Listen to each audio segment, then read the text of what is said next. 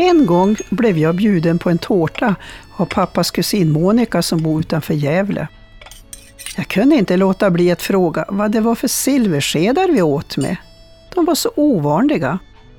Vad kul att du lägger märke till skedarna, sa Monica. De fick jag av min granne Signe för ett massa år sedan.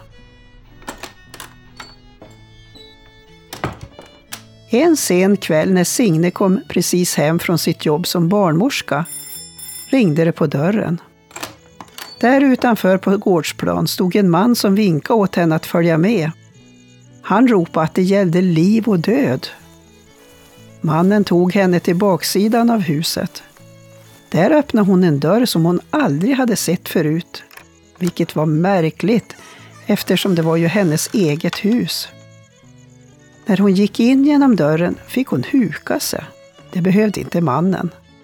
Först då la hon märke till hur kort han var. Mannen visade henne igenom några vackra rum där Signe fick gå nästan dubbelvikt. Till slut kom de till ett sovrum där mannens gravida fru låg i förlossningsverkar. Signe och mannen hjälpte henne att föda fram två friska tvillingflickor. Efteråt, när Signe omtumlad och trött skulle gå hem, tackade mannen för hjälpen och räckte henne en korg med äpplen. Signe sa att det var inte nödvändigt, men mannen ville absolut att hon skulle ta i korgen. Så Signe gjorde som han sa. Sen gick hon hem till sig och stupa i säng. Morgonen därefter upptäckte hon tolv silverskedar inlindade i ett tygstycke som låg under äpplena. Det var de här silverskedarna, sa pappas kusin Monica och höll upp en framför mig. Det var förstås en vettig familj som Signe hade hjälpt. Den där lilla dörren på husets baksida såg hon aldrig igen. Först visste jag inte vad jag skulle tro, för Monica kan vara lite lurig. Man vet aldrig om hon driver med en. Men det Monica sen berättade övertyga mig om att hon talade sanning.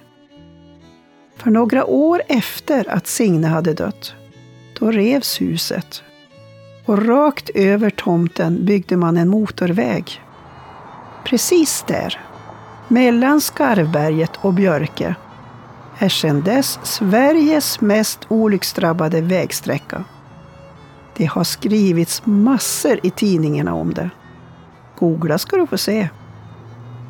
Och den gamla kvinnan som har skrivit till Vägverket och sagt att bilolyckorna beror på att det bor arga vättar där. Att Vägverket måste dra om vägen. Det är min pappas kusin Monica.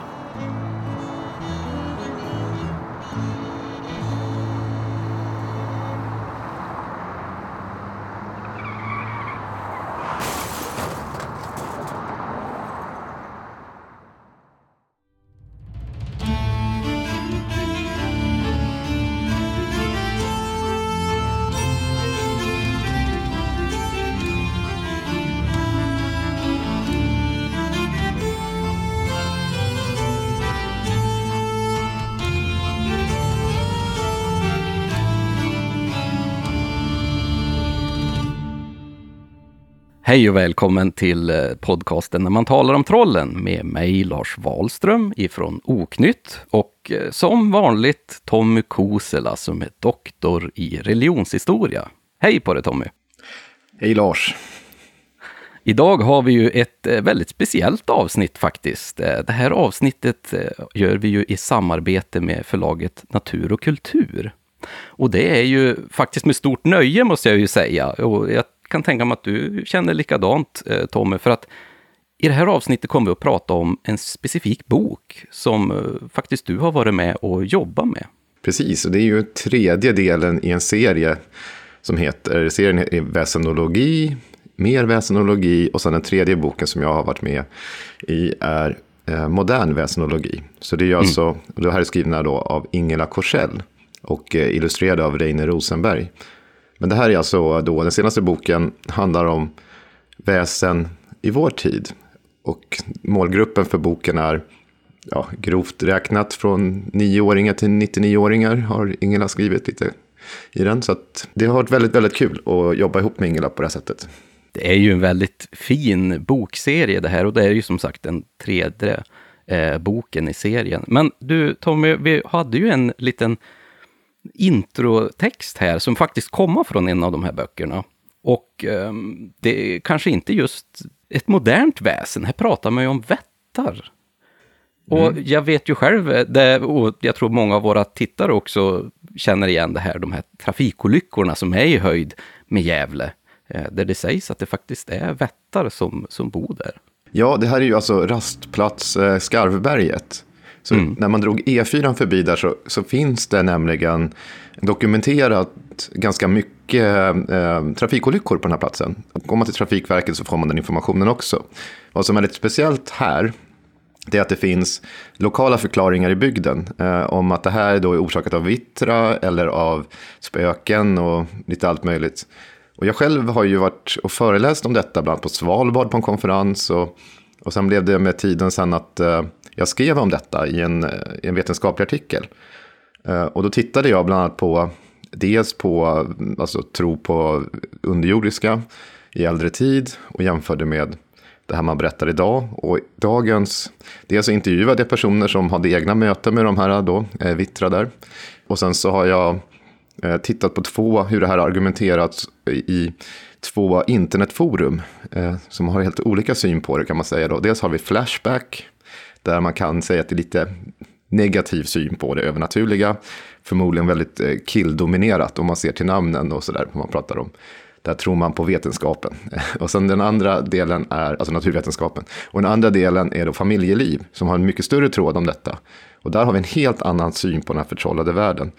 Och jag tittade på det och jämförde med tidningar och intervjuerna och sen skrev jag en artikel som heter Swedish Ferry Belief, uh, Traffic Accidents, Folklore and the Cold Light of Reason. Och den här ligger faktiskt just nu i tryck, så den kommer komma i, i december i en bokserie. Och Nej, för spännande.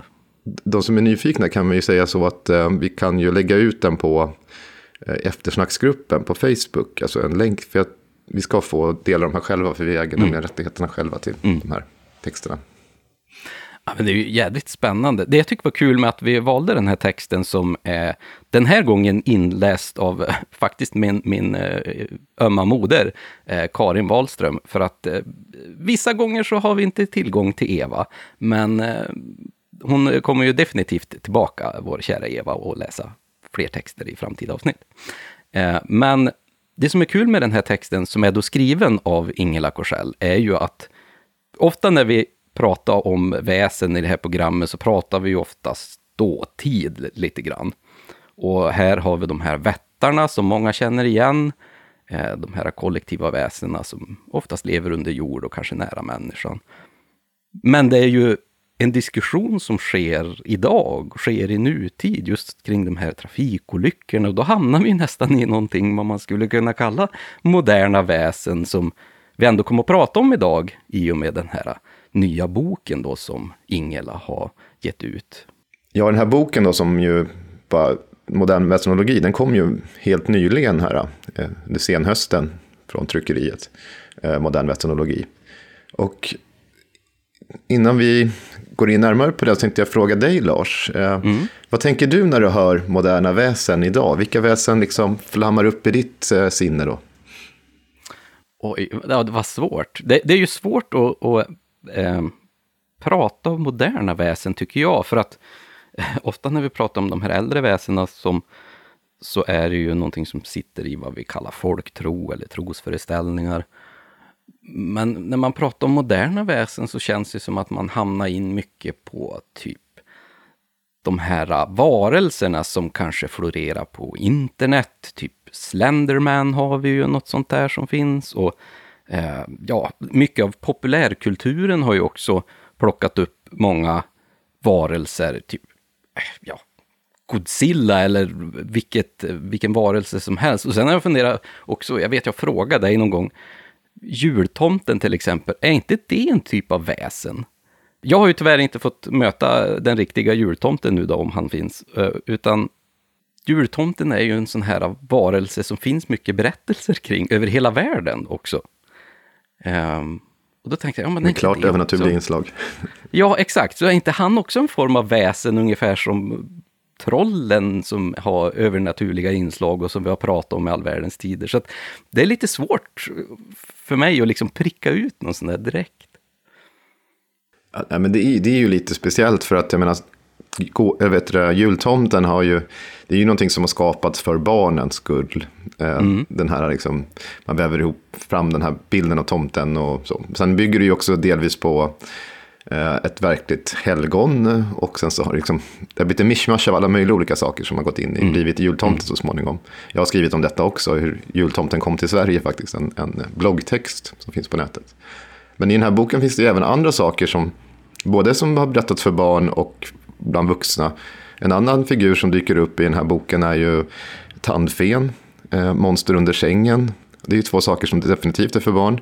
Vi har en annan lek som ju har en viss betydelse här hos Ingela Korsell, inte minst då i hennes Pax-böcker. Men det, och det tänker jag på Svarta Madame, som jag själv lekte när jag var liten, när jag växte upp.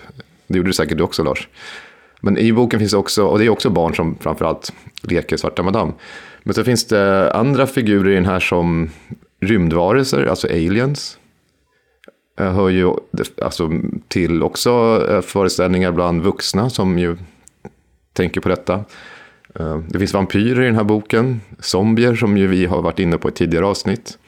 Och mycket annat. Så att, och svartögda barn är också någonting som har kommit via populärkulturen. Skrämmande figurer. Ja, men det är ju det jag tycker är lite roligt med den här tredje boken också, att i, i de tidigare eh, böckerna så pratar man mycket om de här äldre väsena, om vi säger så, med tomtarna och trollen och vättar och vittra och liknande. Men i den här tredje så, så följer man upp och faktiskt ställer lite frågan att, ja men är inte det här också väsen? Ja men Brunnsgubben till exempel, som många har hört som barn, brukar man ju säga att det är en form av väsen. Men den har ju också säkert uppkommit för att få barn och inte gå nära brunnen till exempel. Ungefär som att tomten är, har egenskaper som gör att du måste vara snäll, för annars får du inga julklappar. Så mm. det är roligt att man, man jobbar med de här och, och, faktiskt ställer frågan, vad är det som är ett väsen egentligen? Och de här som är gjorda för att skrämma barn med specifikt, mm. det är ju vad som kallas inom vetenskapen för fikt. Alltså mm. en pedagogisk fiktion som man berättar. Brunnsgubben är ett lysande exempel på detta. Eh, jag har skrivit en bloggtext om det också som finns på nätet, men om, om som skrämselväsen. Eh, och det finns ju en, en uppsjö olika sådana här figurer. Mörksuggan är en sån från början. Idag tänker vi att det är en söt liten eh, eh Mumintrollsliknande eh, träfigur. Men den skapades ju av, av en konstnär eh, och bygger på berättelser från övre Dalarna om just eh, mörksuggan. Och den var någonting man skrämde barnen med, att de inte skulle gå ut för då kommer mörksuggan och, och, och så vidare. Så det, det, är definitivt ett skrämselväsen från början. Idag har det blivit en turistattraktion istället. Men Tommy, du som har varit faktagranskare av det här, har du någon, någon favorit bland de här nya moderna väsena? Oj, oj, oj. Eh, jag vet att vi har ju svarat på frågan i boken för att det står liksom i våra mm. presentationer där. Eh, jag tror att jag sa Slenderman. Mm. Det är väl, ja, jag vet ju inte riktigt om jag skulle säga.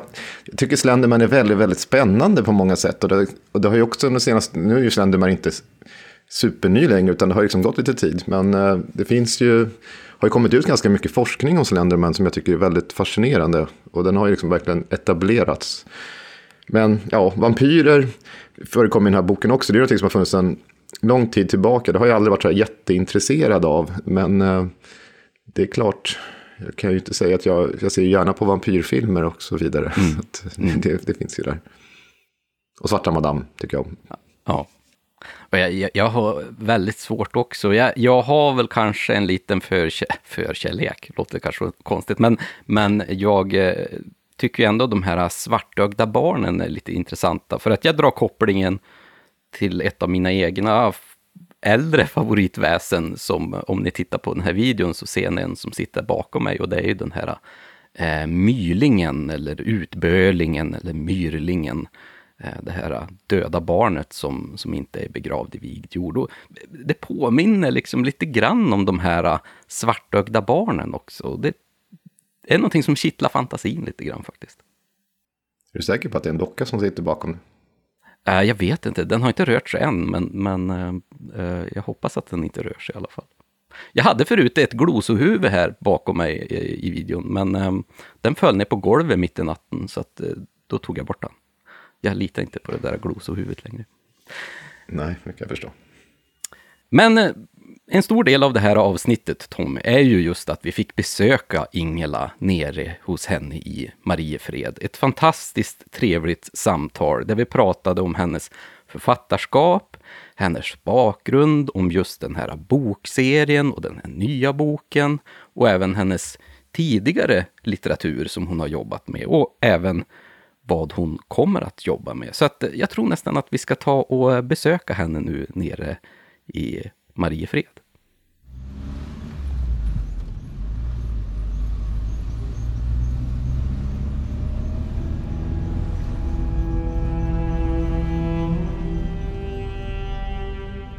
Min man Pelle har släkt i Los Angeles i USA.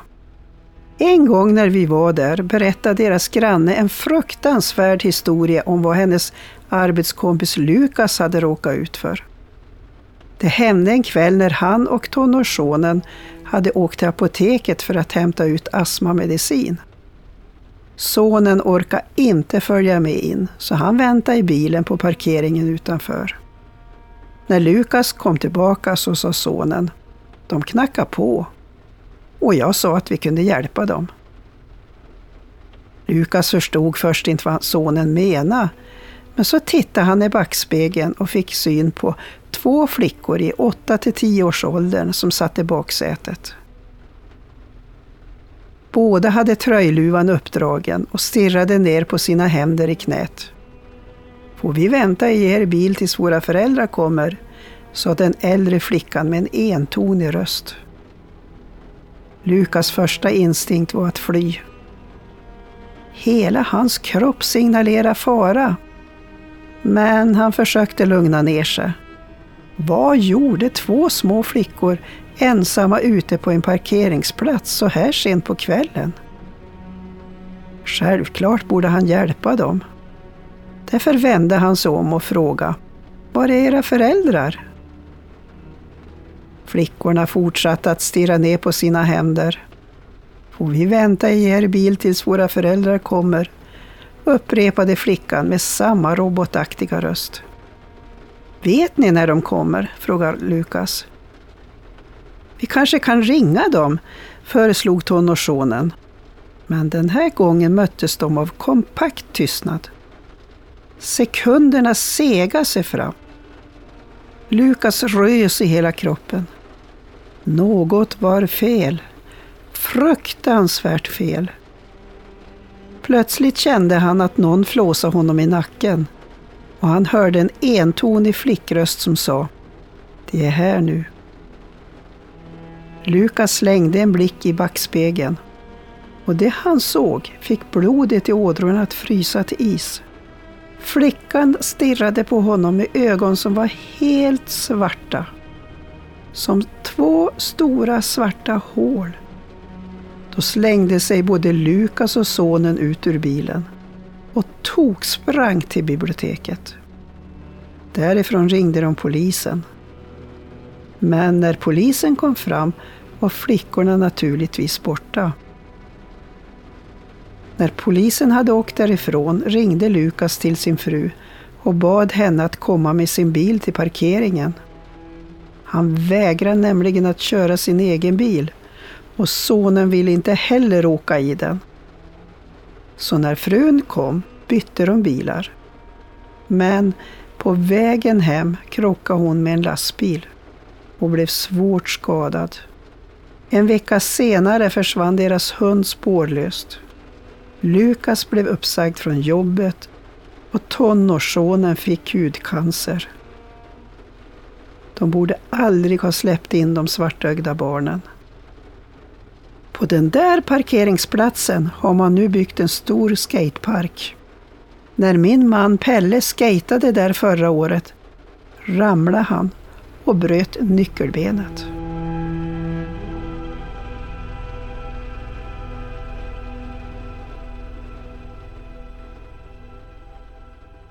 Just i den här senaste boken så har ju du och jag haft lite samarbete. Mm. Men hur, vi funderar på lite grann på det. Hur kom det sig att vi kom i kontakt Ja. med varandra?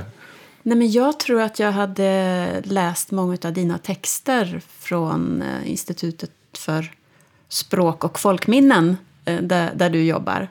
Och eh, det var på så vis som jag tror att jag, jag, kom, jag kom över ditt namn där. Och så ringde jag dig va? Ja, precis. Och, och eh, tänkte så här, gud, ring en helt främmande människa. Och försökte presentera mig och sa vad jag skulle göra. Och jag hade ju läst på om dig då och såg att du forskade om nya moderna väsen. Så att, eh, jag höll ju alla, alla tummar och tår att du skulle tacka ja till att bli faktagranskare. Ja, vad, vad, vad var det som gjorde att just eh, Tommy dök upp som alternativ här för, till den här nya boken där du pratar om just de mer moderna väsen? Ja, nej men de två tidigare, de, det var ju eh, de gamla nordiska väsen. Och då hade jag haft ett eh, samarbete med eh, Ulf Palmenfelt som också är professor då i etnologi. Och så skulle jag ju skriva den här tredje boken då om moderna väsen. Och då sa Ulf att nej, nu får du nog skaffa dig en annan faktagranskare. För här eh, känner jag att min kompetens inte räcker till. Eh, så då fick jag ge mig ut på en ny jakt. Och tack och lov så hittade jag Tommy. Som jag har ringt och pratat och eh, eh, skickat texter till dig och, och sådär. Och det har varit ett så roligt, tycker jag i alla fall, eh, samarbete. Det har varit ett sant nöje. Det, men det har inte varit så mycket arbete för mig. Det har väl diskuterat eh, vissa detaljer och nyanser. Men du, Ja. du har ju varit så duktig på att skriva från början och fått det mesta rätt så att säga. Så, Ja, men tack. Ja, men det här var ju den tredje boken, så formen var ju som satt eh, redan. Det är ju en faktabok eh, riktad till 9-12-åringar, eller från 9 år och uppåt. För det har ju visat sig att det här har, det är äldre också. Mycket tonåringar och unga vuxna som, som gillar de här böckerna också. Eh, så mm, ja, nej, men jag skrev texter, men då har det alltid känts tryggt att att kunna skicka texterna och få dem eh, liksom granskade. För det har alltid varit viktigt för mig, ska jag säga, att de här texterna är vetenskapligt grundade. Varför är det så viktigt för dig? Ja, varför det är viktigt? För att ehm, det ska bli rätt. det, eh, jag är själv doktorand i, i pedagogik. Nu har jag ju lagt det på is eftersom jag eh, jobbar, på he- eh, alltså jobbar som författare på heltid sen, sen ja, vad det nu är, fem, sju år eller något sånt där. Nej, men det är viktigt för mig att, att det ska vara... Nu är ju inte etnologi mitt akademiska ämne, men ehm, jag är ändå skolad i, i, i den akademiska världen och det här med källkritik och hur akademiska texter är uppbyggda och så. Men, så det, det känns viktigt. Utmaningen för mig i väsenologiböckerna är ju att skriva forskningsbaserat på ett spännande sätt så att ehm, unga människor och barn eh, blir intresserade av det. Att det ska vara byggt på forskning men ändå kul. Den här bokserien har ju blivit otroligt populär. Kan, kan du ge oss en liten kort beskrivning om vad de här eh, tre böckerna handlar om? Ja, de två första är ju som sagt de eh, gamla nordiska väsen. Och man behöver inte läsa dem i kronologisk ordning. Det, det är, den första boken eh, är om 12 väsen och den andra boken är om, om 13 väsen. Och då är det, de är uppbyggda på ett speciellt sätt. Då. Det, först, det börjar med ett uppslag med eh, en bild gjort av eh, den fantastiska illustratören Reine Rosenberg. Eh, hans bilder är minst lika viktiga som texten. Eh, och då, sen är det som ett, ehm, en, vad ska man säga, en faktaruta om, om det här väsendet. Då, med, en- med en massa rubriker på eh, farlighetsgrad och vad det är för kategori och beskrivning och kännetecken och hur man kan skydda sig. Och, och, och den sista rubriken är alltid funktion. Alltså vilken funktion har berättelser om, de, om det här väsendet fyllt för, i människors vardagsliv? Eh, det är ju det som är den vetenskapliga frågan kan jag tycka i, i det här. Och sen följer ett uppslag med en sägen om det här väsendet. Då. Och sen kommer eh, ytterligare ett uppslag med en lite mer löpande faktatext. Och sen börjar det på ett nytt väsen och sådär. Sen har vi alltid några bonuskapitel på, på slutet där man kan gå nörda ner sig på någonting. Mm. Jag antar att du är ganska intresserad av just folktro och väsen. För varför gjorde du, började du just på en, en serie böcker om just folktro och väsen? Ja.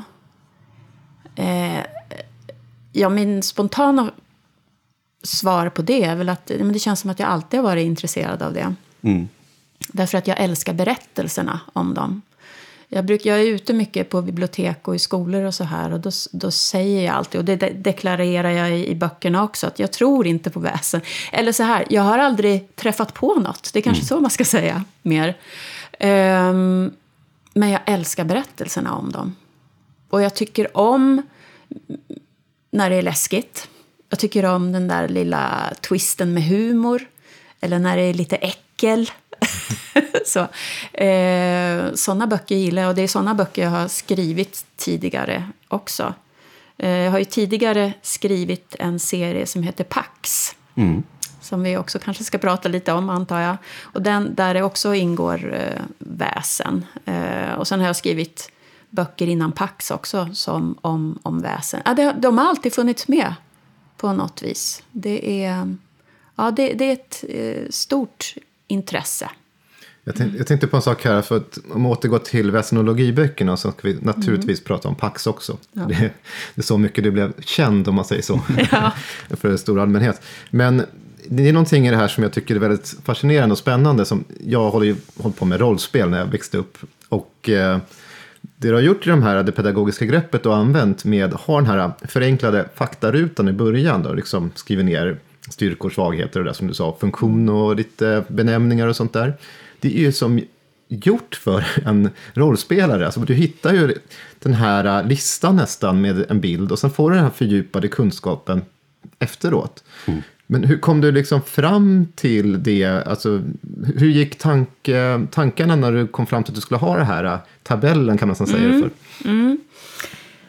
Jag är jätteglad att ni tar upp det, för det här, det här, har jag tänkt, det här tänkte jag mycket på. Nej, men alltså, jag ville att, att man skulle få den eh, känslan, eh, att det skulle vara som ett spelkort. Eller, ja. Mina småbröder spelade Drakar och Demoner när de var yngre. Jag har aldrig gjort det, men jag såg ju hur, hur de spelade och byggde upp spel och äventyr och använde olika karaktärer och, och sådär. Jag tänkte att det, det, är ett bra grepp. Sen har jag alltid...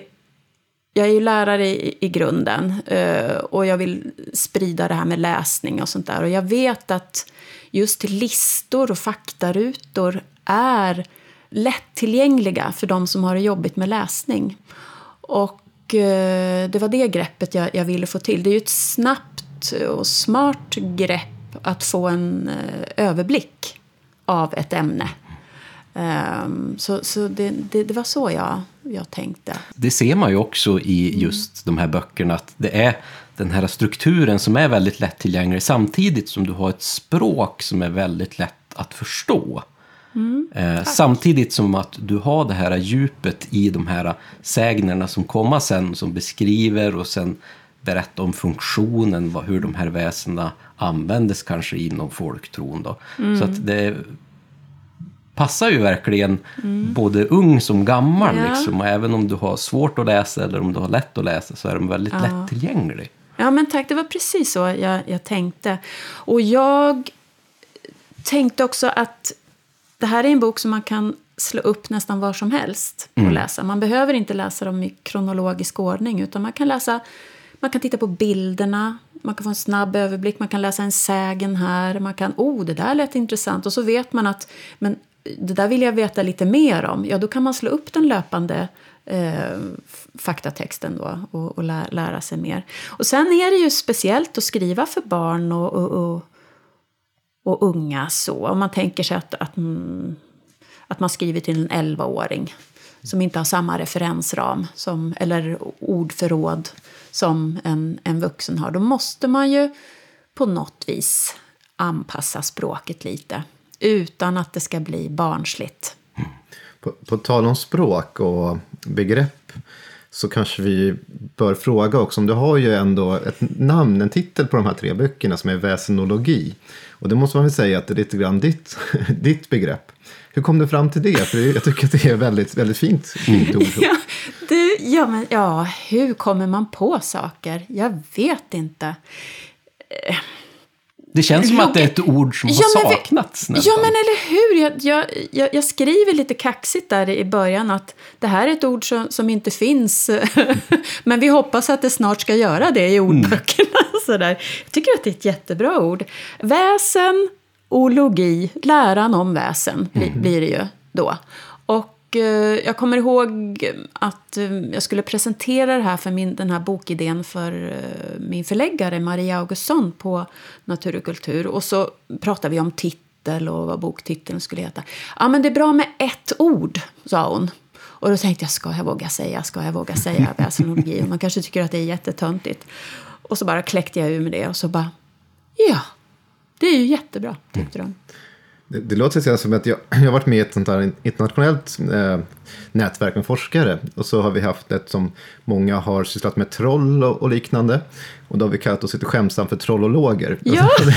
det, påminner lite grann om det. Ja. ja, men jag, har skrivit, jag skriver ju någon slags så här öppningsbrev, hej, så här i, i alla tre böckerna. Och det brukar jag alltid avsluta med, men sätt igång och läs nu så att du blir en väsenolog. Eh, det vill säga en expert på väsen. Så. här. Men det, jag tycker det, det, låter, det fungerar jättebra. Jag var nyligen för ett par veckor sedan på ett live för barn.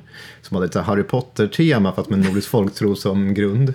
Underbart. Och, ja, och då var jag en slags gästprofessor där som var expert på väsen. Och då blev det helt naturligt för mig att presentera mig för barnen som ja, professor i väsenologi. Och det, det lät ju helt.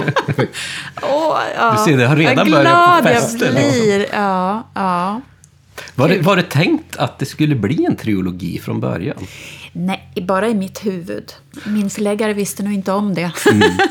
Nej, men de ville väl prova. Det här var väl ett nytt mm, grepp kanske. eh, Så här, ehm, och se hur bra den första boken gick. Nu gick den ganska bra. Så att då fick jag ju fortsätta skriva. Men i mitt huvud så var det faktiskt alltid tre böcker. Och, och just att få in den här tredje boken, få in samtiden. Det tyckte jag knöt ihop det här bokprojektet. Därmed inte sagt att det inte kan bli en fjärde. Längst bak i boken här så har jag ju skrivit upp en lista så här på ytterligare moderna väsen och det finns ju hur många som helst. Det är närmare 20 stycken. där. Ja, ja. Jag tänker också på ett sak som visar på spridningen på de här böckerna, hur bra det kan, alltså vilket fäste det har fått med väsen för en yngre målgrupp.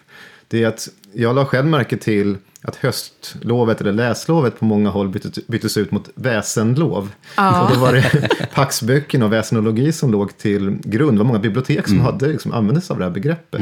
Och du har väl själv varit väldigt mycket ute och pratat just om väsen och, och så under just höstlovet. Eller kanske ja, året Ja. runt egentligen. Ja, men oh ja, det är ju, det är ju eh, väldigt intensivt. Då är jag ute på så här läslovsturné, eller väsenturné. och nej men det, det, ju, det märker ju ni också, vad otroligt hajpat och det har blivit med väsen och vad folk är intresserade. Och det kryper ju ner i åldrarna alltså. Eh, bara de senaste fem, tio åren tycker jag det har hänt otroligt mycket. Jo, vi, vi ser ju också det när vi har varit ute på några sådana här livepoddar till exempel. Och du, Tom, har ju varit ute på många föreläsningar. Va, vad får du liksom för reaktion från ungdomarna när du är ute och berättar om just det här ämnet? De är jätteintresserade. De är jät, jätteintresserade, verkligen. Alltså, och kan mycket, eh, tycker jag ändå. Mycket mer än vad jag kunde när, när jag var i, i deras ålder.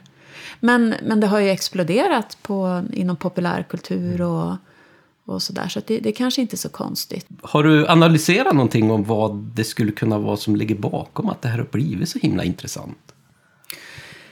Ja, jag, Ja, varför just nu? Det är en väldigt bra fråga. Jag vet att när... eh, Innan vi började skriva Pax, då, nu är vi kanske 2012, 2013. De första Pax-böckerna kom ut 2014. Då var det mycket vampyrer i och för sig, eh, var det, men varulvar och, och, och sånt där. Men, men det var ingen som hade skrivit så mycket om våra nordiska väsen. Eh, som kanske jag var mer intresserad av än, än zombies och, och sådär. Ehm, så varför inte gräva där, där vi står, tänkte vi. Och, och det verkar vara som att eh, det var, vi var många som tänkte samma sak. Det, var, de som- det, var, det fattades något. Jag tänker den här tiden när, du, när Paxböckerna kom ut och senare kom ju väsenologi. Det är som du säger, att det fanns ett, en hunger bland, allmän, Ja. bland allmänheten efter den här typen av eh, böcker. Och det, det, liksom, det har ju gått länge där det inte var... Vi forskare har inte gjort mycket av det. Det var Ebbe Schön då, som har varit gäst här tidigare i, i vår podd. Eh, var ju den som fortfarande förde den här facklan vidare. Och sen kom det inte, det var du och sen Johan Egerkrans som ju kom ut med sin Nordiska väsen. Det var ju det som liksom kom ut och då var det nytolkningar. Eftersom ni, Johan hade sin, sina illustrationer och Reina har sina illustrationer. Och eh, dessförinnan så var det Henrik Jonsson då som illustrerade i Pax. Så att man fick en ny, nya bilder. Som du, man kanske behövde det här, gå vidare från John Bauer, inget ont om honom, för Nej. vi älskar ju alla John Bauer. Men det är ändå, vi kanske behövde få vår tids bild av väsen på något sätt. På sätt. Ja, ja, ja men det, det tycker jag. Och just att... att um, nej, men det fanns som... Det var ett tomrum som behövde fyllas. Och sen har det bara exploderat. Vilket ju är jätteroligt. Jag också, det syns ju på andra sätt. Alltså I populärkulturen så är det ju... Vi har ju filmer, stora filmer, som när man tar upp Tolkien igen och gör en gigantiska filmer av Peter Jackson. De här. Och eh, Harry Potter så kom ut och fantasyn eh, kom liksom stort igen. Det var ju sedan 80-talet fantasyn har varit så stark som den blev nu på 2000-talet. Och dataspel liksom är fyllt med referenser till sådana här ja, sagofigurer och väsen och myter och så vidare. Seriealbum, alltså mycket kommer nu och det, det är väl för just för det här tomrummet som har varit. Det går ju liksom i vågor och nu är vi verkligen i en stark våg där, där den här typen av ja, magisk laddad värld igen är påtaglig. Vi vill ju inte leva i en mekanisk tråkig värld. Alltså det är, vi, behö, vi behöver allt det här. Vi behöver berättelserna och vi behöver fylla liksom, tillvaron med någonting som är betydligt lite mer än naturlagarna kanske alltid ger oss.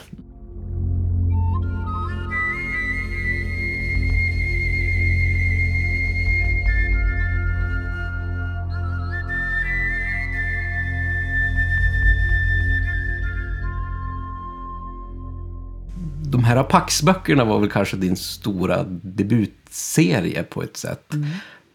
Tillsammans med Åsa Larsson. Precis, säga. precis. Eh, hur tog du det vidare nu när du gjorde den här trilogin om väsenologi? Drog, tog du med dig några erfarenheter eller försökte du att tänka helt nytt? Eller? Nej, men eh, som sagt, jag hade skrivit böcker innan Pax också om eh, gruvfrun och, och sådär. Eh, till samma eh, målgrupp då. Eh, så under hela eh, arbetet med Pax-serien, så inför varje bok, det, det ska sägas att varje, varje Pax-bok heter ju som ett, ett väsen. Pax är själva namnet på serien och sen, sen är det, Grimmen och Mylingen och Bjäran och Draugen och, och vi har tio stycken. Då ringde jag till eh, Ulf Palmenfelt och så pratade vi om, först läste jag på om varje väsen och sen så ringde jag honom och så pratade vi. Jag fick ställa alla dumma frågor jag, jag, jag ville. Och jag fick alltid någonting extra av Ulf som vi kunde använda. Någonting som fastnade sådär som vi sen kunde använda.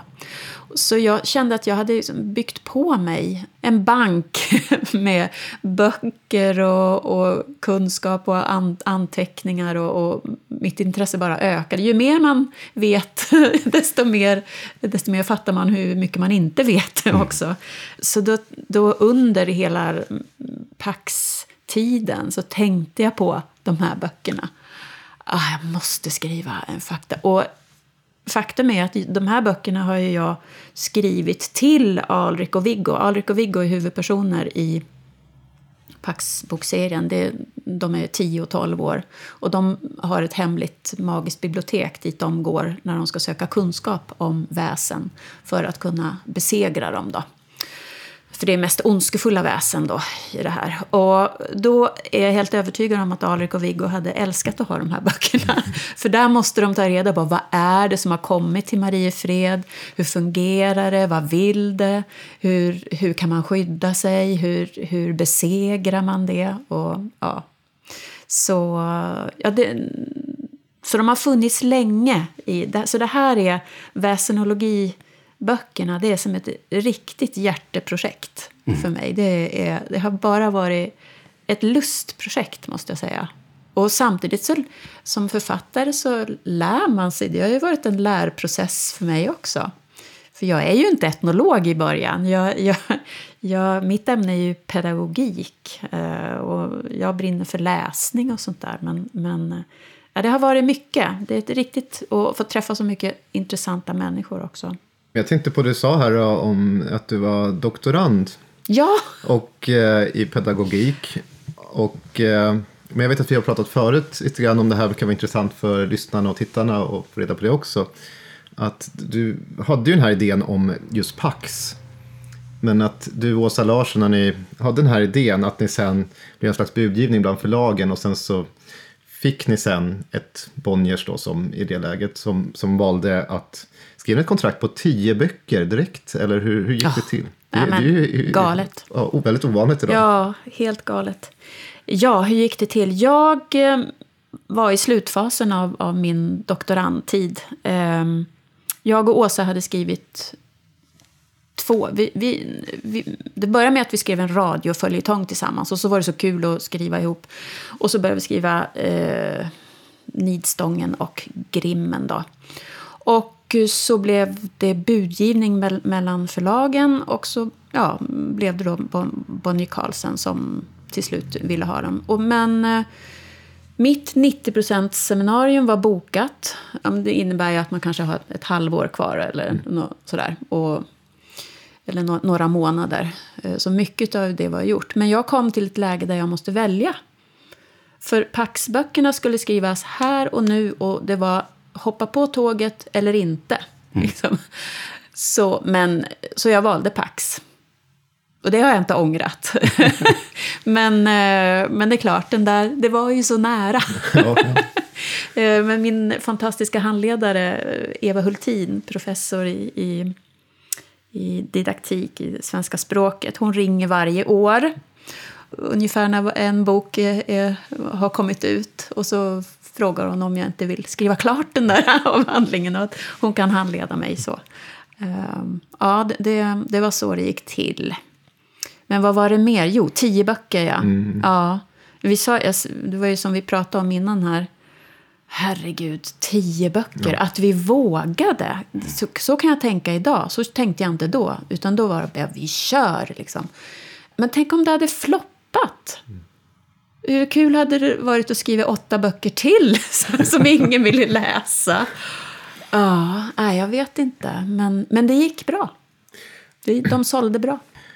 Du pratade lite grann om, när du skrev de här, så, eftersom du hela tiden var intresserad av hur unga ska eh, ta emot de här. Och du hade ju liksom testgrupper på skolon, en skola här i Mariefred. Mm. Där, där barnen fick vara med och läsa och liksom, ja, testpiloter helt enkelt. Mm. Och sen hade du, som du sa, boksläpp i Mariefred som gick bättre och bättre för varje år. Det kanske kan vara kul att höra ja. lite grann om, om det och hur det slutade sen. Ja, Nej, men jag, som sagt, jag är ju, i själ och hjärta är jag ju lärare. Det är min främsta identitet. Jag brukar säga det. Jag, just nu jobbar jag bara som... Jag jobbar som författare just nu, brukar jag säga. Men eh, det är lärare jag är. Och jag vet ju... Eh, nu pekar jag bakåt här, för att här ligger Mariefreds skola. Jag bor ju granne med Mariefreds skola, där jag en gång jobbade. Så att eh, när vi hade skrivit första två manus så, här, så, så sa vi det att kanske vore bra att testa på, dem, på målgruppen direkt. Eh, och jag vet ju det som lärare också att eh, det skulle ju vara en guldgrej att få. Det blir en sån här autentisk uppgift. Det blir på riktigt liksom. Mm. Eh, för lärarna och eleverna att jobba med. Så lärarna liksom bara, thank you. Eh, så de fick testa och vi skickade med lite frågor till och sen så var jag där flera gånger. Ibland var Henrik med och, och ibland Åsa med också. Men det var mest jag, det var mina gamla kollegor. Sådär. Vi var på två skolor faktiskt. Vi har två skolor i Mariefred. Mm. Mariefredsskolan och Gripsholmsskolan. Eh, och då var det, ja men så här, eh, hänger ni med här? Är det här roligt? Eh, vilket, eh, är det några ord ni inte förstår? Eh, funkar den här bilden? Eller, eh, ja men vi kunde ha, och jag gick dit också och hade textsamtal med dem. Mm. Och de hjälpte, I och med de där textsamtalen om handlingen och karaktärer och de fick göra så här hypoteser vad de trodde skulle hända härnäst. Och, och genom att ha de där samtalen då fick ju jag en uppfattning om vad de hade fattat och inte. Om de hängde med eller inte. Och ja, om vi hade dem där vi ville ha dem. liksom. Och de hjälpte oss också med, med mycket. Jag, jag, jag kunde, vi kunde fråga så här, vad är det värsta som kan hända nu? Så här, eh, vad är det värsta som kan hända Alrik och Viggo nu? Och då tänkte man ju så här, ja, Mariefred kommer gå under, de här ondskefulla väsena kommer ta över och, och världen kommer att, brinna upp eller något sånt där. Nej, det var inte det. Det var att Alrik och Viggo, för de är fosterbarn här, eh, det var att Alrik och Viggo inte skulle få bo kvar och att man skulle sära på dem. Just det.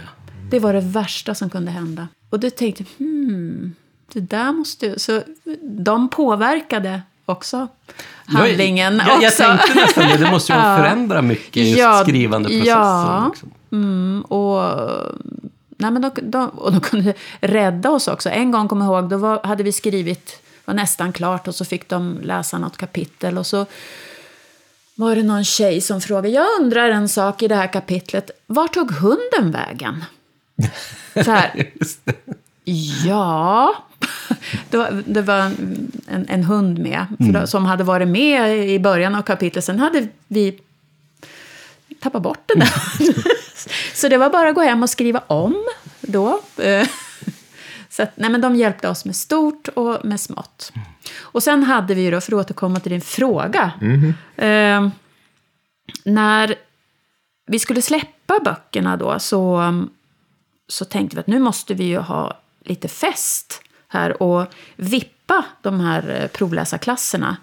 Bok lika med fest, eller hur? Mm. Läsa, kul. Ehm, så då bjöd vi in till biblioteket, vi hade ett samarbete med biblioteket. Och så fick de komma dit och vi bjöd på tårta och de fick varsin egen bok som de hade varit med om. Det kände, man såg på dem att när, när den kom i tryck då hade de ju de varit med i processen. Ja. Så de tog ju i den som att det var deras bok och hur det blev till slut. så här. Och så tänkte vi då Ja, men vi ställer ut ett bord på torget också. Det kanske är några Mariefredsbor som vi stod utanför bokhandeln här och du, som, som vill köpa boken också. Och det var det. Några stycken. Sen så, så kom nästa bok och vi släppte alltid då en vecka ungefär innan eh, de släpptes i övriga Sverige så släpptes de här i Mariefred. Så det var bara här man kunde få tag på dem. Men för varje boksläpp, de kom en gång i halvåret, eh, då växte det där. Det blev mer, så till slut blev det ju liksom stora köer och folk reste från när och fjärran hit. Så när tionde och sista boken kom då hade vi faktiskt boksläpp på Gripsholms slott.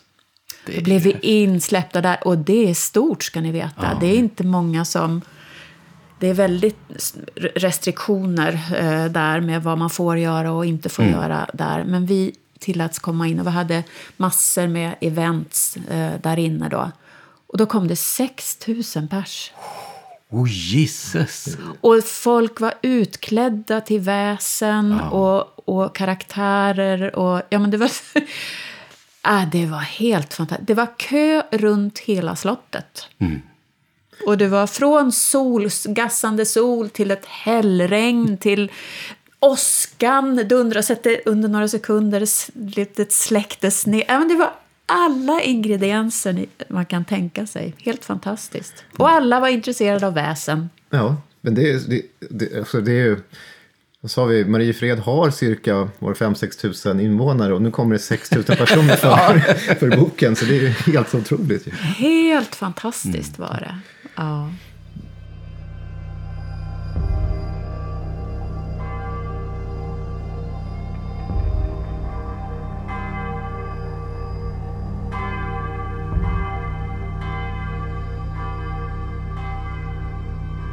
Jag bor i den lilla staden Mariefred i Sörmland. En gång när jag och min hund promenerade förbi Mariefreds kyrka ropade kyrkovärden Barbara åt mig att komma. Så här sa hon. Jag måste berätta om en konstig sak som hände här för ett tag sedan. Vi har märkt att en ny grupp turister kommer till kyrkan nämligen familjer med barn som läser bokserien Pax. Och när de går på ljudvandringen Pax med sina mobiler brukar de passa på att besöka kyrkan. Men de kommer inte hit för att se själva kyrkan. Nej, de vill titta på kyrktoaletten där några barn i en Paxbok leker Svarta Madame. I alla fall så kom en sån familj hit. Det var tre barn. En stora syster med två småbröder som ville leka Svarta Madame. De hade tagit med sig stearinljus och tändstickor. De stängde in sig på kyrktoaletten medan jag och föräldrarna stod kvar där utanför. Först fnissade de bara där inne. Men sen hördes tre knackningar på dörren och en pojkröst som sa ”Svarta madam, kom fram!” Tre gånger. Därefter blev det tvärtyst. Onormalt tyst. Hur länge som helst. Vi vuxna började skruva på oss. Då bröts tystnaden av barnens gallskrik. Och då menas dödsångestskrik blandat med dunsar, smällar och slag. Som om kroppar kastades mot dörren. Dörrhandtaget åkte upp och ner, som om någon desperat försökte komma ut. Föräldrarna bankade och skrek ”lås upp”. Plötsligt slogs dörren upp och barnen ramlade ut i en hög på golvet. Alla tre grät och skrek ”Hon kom fram!” Men det värsta var blodet. En av pojkarna hade långa blödande rivsår i ansiktet. Så medan föräldrarna tog hand om de skräckslagna barna så sprang jag till personalens omklädningsrum och hämtade första hjälpen-lådan. Men när jag kom tillbaka var familjen borta. Det enda spår som de lämnade efter sig var några bloddroppar på golvet. Jag tror inte på spöken, men efter det här är jag inte lika säker. Sen tog Barbara med mig in på kyrktoaletten och visade att hon hade satt upp en första hjälpen-låda bredvid spegeln. Ifall det kommer fler barn som vill locka fram Svarta Madame.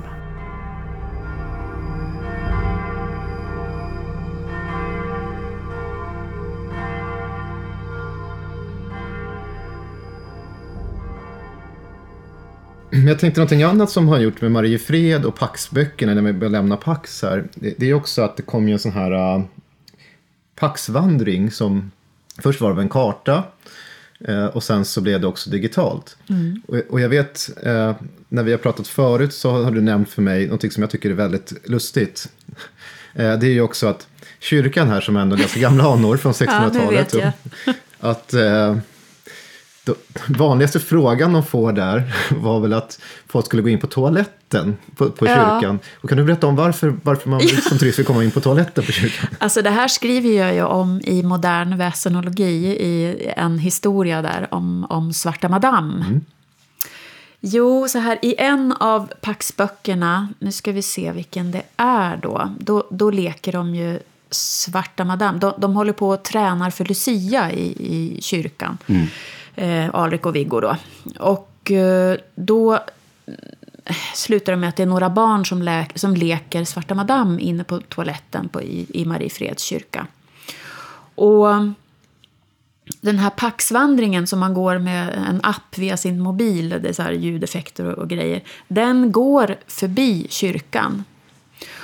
Och eh, för ett par, tre år sedan så var det eh, en, en kvinna här som jobbar som kyrkguide på somrarna där. Så hon berättade för mig att, hörru du Ingela, du vet väl om att våra besöksantal har liksom fördubblats. Jag vet, hon sa någon sån där otrolig siffra.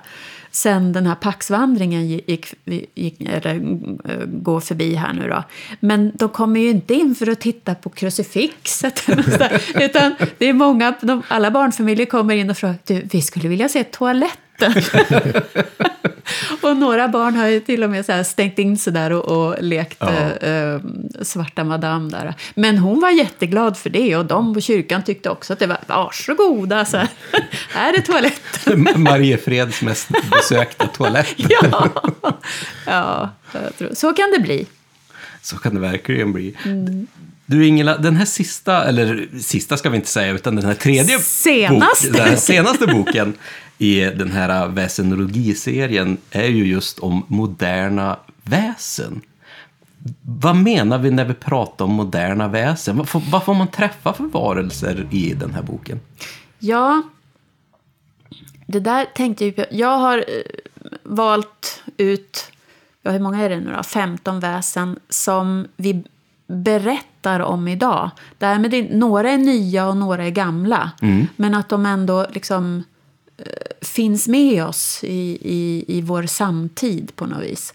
Som, ja men jultomten får man väl ändå säga är ganska gammal, mm. Tommy. Ja. ja. Det är lite relativt, ja. vad man menar med jultomten. ja, ja, ja, men gårdstomten och jul, men jultomten och så här. Men, och jag tror Slenderman är väl den senaste. Som han uppfanns väl år 2009. Man vet väl exakt datum också. Att, ja, det ja, precis. Ja, Fototävling på nätet. Precis. Så, så det är så jag har tänkt med, med moderna väsen. Sådana mm. som vi berättar om idag. Eller finns med i populärkulturen. Eller, ja. Och vilka finns med? Ja, Slenderman, eh, Tandfen. Eh, vad har vi mer? Vi har Godzilla, Svarta mm. Madame, Zombies. Mm vampyrer, påskharen, hjälp mig. Svartögda barn. Svartögda mm, barn. Mm, ja, ja det, det, aliens. Mm. Ja, det är en hel, hel radda. Ja. Och Svarta Madame är ju ganska intressant för att det är någonting som jag minns ju själv att man lekte det här när man växte upp. Och det är lite så, i Sverige så är ju Svarta Madame någonting som både pojkar och flickor lekte. Mm. Men det finns ju liknande traditioner i, i den anglosaxiska världen. Där det kallas för Bloody Mary eller någonting. Det finns många olika namn. Men det är ju nästan uteslutande unga flickor som gör det. Eh, men här i Sverige av någon anledning har det blivit både pojkar och flickor. Och man, Bengt A. Klintberg som var gäst här i vårt förra avsnitt. Han har skrivit en artikel om detta också som vet, handlar om att det är barns alltså, övar sig i mod så att säga. Alltså, man, man testar sina gränser lite grann. Så det är ju en lek, men det finns, lek och allvar kan ligga ganska nära varandra. Mm, mm. Ja, jag lekte också Svarta Madame när, när jag var barn. Men, uh, Tommy, du kanske kan förklara för, för lyssnare, den här Svarta Madame, vad, vad är det för ja. typ av väsen? Man får väl säga att det är en slags eh, spöke egentligen. Ett andeväsen. Förklaringar bakom vem hon är kan skilja sig åt. Det är någon som någon gång har råkat väldigt illa ut eh, och är fast så att säga. Man kan frammana henne i spegeln då. Eh, för barn så finns det inte så mycket mer förklaring än så, för det räcker som mm. ingrediens. Att man, och då ska man göra en ritual, eller man ska utföra en ritual. Och den är ganska enkel också. När jag växte upp fick jag höra att man skulle gå in i en toalett just för att återkomma till den här kyrkan. Eh, och man skulle släcka lampan, gärna tända ett ljus och så skulle man blöta sin hand och lägga på spegeln så skulle man läsa en ramsa som var Svarta Madame, Svarta Madame, träd fram eller liknande mm. tre gånger. Och när jag växte upp fick jag höra att man fick, man fick inte ha någon med sig in, men det här kunde också variera. Men man fick inte ha någon med sig in i badrummet. Och det här var ju läskigt nog. Det var många som test, sa att de testade men vågade inte stå kvar efter de har läst de här ramsorna. Ja. Och idag finns det ju skräckfilmer och allt möjligt där hon, eh, det här just det, motivet förekommer. Och just att hon... Det berättades att hon kunde liksom komma ut och så riva henne i Ja. ansiktet och, och sådär. Så riktigt eh, ondskefull. Och det, det motivet finns även i England och sådär också. Att hon någonstans har blivit sargad och har där ett, något slags hat i sig. Som liksom, un, unga flickor som då i England och USA framförallt lekte detta. Det ska nästan som att de ville straffa dem för hon var vacker själv en gång. Och då klöste hon på dem så att säga. Så att det var ju väldigt läskigt. Sen tänks det ju där här bland forskare också gå tillbaka till någon slags tradition med spådom och sådär. För att det finns mycket traditioner om just levande ljus speglar och se in i framtiden.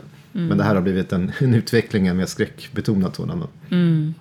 Jag tänkte lite grann på det också, för nu när vi har de här två första böckerna, väsenologi och så mer väsenologi, så eh, skriver du väldigt mycket om de här äldre väsena som vi kanske brukar nämna ibland, liksom i, som vi har i våran eh, nordiska folktro ibland. Gårdstomten och trollen och älvor och vättar. Och där har vi ju liksom väldigt mycket material i arkiven och vi har många gamla sägner. Så att det är liksom mycket material att titta i och, och, och få lära sig och använda som en, en grund när du skriver. Hur har det varit liksom när du har jobbat med de här moderna väsena? Har det varit annorlunda? Har det varit en annan liksom sökprocess när du har jobbat med materialet? Mm, bra fråga. För det har det varit. Ja, det tänkte jag också. Hur ska det bli nu? Liksom? Hur, för, ja, ja, det har verkligen varit. Det har varit mycket mer på nätet. Mm. Och ehm, inte lika mycket. för- Man får jobba på ett annat vis, eller hur Tommy? Det, det, ja, det, man, får, man dammsuger ju efter, och det, det har ju du hjälpt mig med, att hitta de här titlarna. Som, det, som, det som finns. Eh, ja. Jo, men det är lite grann för att eh, det här går ju snabbt framåt. Det är liksom nya motiv läggs på, andra nya berättelser. Liksom. Slenderman är ett superbra exempel. Fötts helt och hållet på internet. Och det har ju gått snabbt. Det är som en snöboll som man börjar rulla ner för en backe. Till slut så är det liksom ett stort klot. Och det, forskarna har inte riktigt kanske hängt med från början. Och då blir det strödda skurar på nätet. Idag finns det ju eh, eh, folkloristiska samlingar om just Slenderman. Men det, det, det tog sin tid innan man började samla det här. Folkloristerna liksom gick igenom allt möjligt från att klä ut sig till Slenderman till liksom det här eh, rättegångsfallet i USA där eh, två flickor knivhögg en tredje eh, som tack och lov överlevde. Och i den här rättegångs, eh, rättegången som var, då skyllde de ju att, de hade, att det var Slenderman som fick dem att göra det. Vad de också hade sagt att det var Voldemort och andra saker som de hade liksom fått det här uppdrag av. Men det, det tog inte media upp på samma sätt. Men det, det är liksom många så spridda skurar som har kommit och sen finns det ju också den här eh, mytos brukar man säga efter H.P. Lovecraft att man liksom skapar en, eh, en liksom berättelsetradition kring Slenderman. Och den kommer i efterhand att man börjar leta efter gamla koppar och träsnitt och tycker att där finns Slenderman från en gammal sån här från 1300-talet. Fast det heter ju inte Slenderman, kanske är den, den långa mannen ungefär på tyska, känd sån här Grossman. Och sen så Sen idag har ju också folk vävt vidare, tagit kanske från den här skrämmande Slenderman till att han har fått en hel familj med olika familjemedlemmar och så, här, så att han har blivit nästan lite rolig. Man tycker, och många har ju haft en som har blivit, kanske människor som har varit mobbade, barn som har haft Slenderman som en trygghet för att han skyddar ibland de som, de som är utsatta och mobbade mot mobbarna. Så att, jag menar, allt det där, men allt det här finns på nätet. Eller, eller i berättelser bland ungdomar själva. Ja, men precis. Jag, den här gången har jag verkligen sökt på ett annorlunda vis med guidning av, av eh, Tommy, då, men mycket på nätet. Och det, det känns som att, ja men som Slenderman, att det, det, är, det är så mycket på gång hela tiden. Det är, vi är i början av, man skapar nu. Man, Ja. man, man är mitt i, i det, att eh, skapa eh, historien om honom.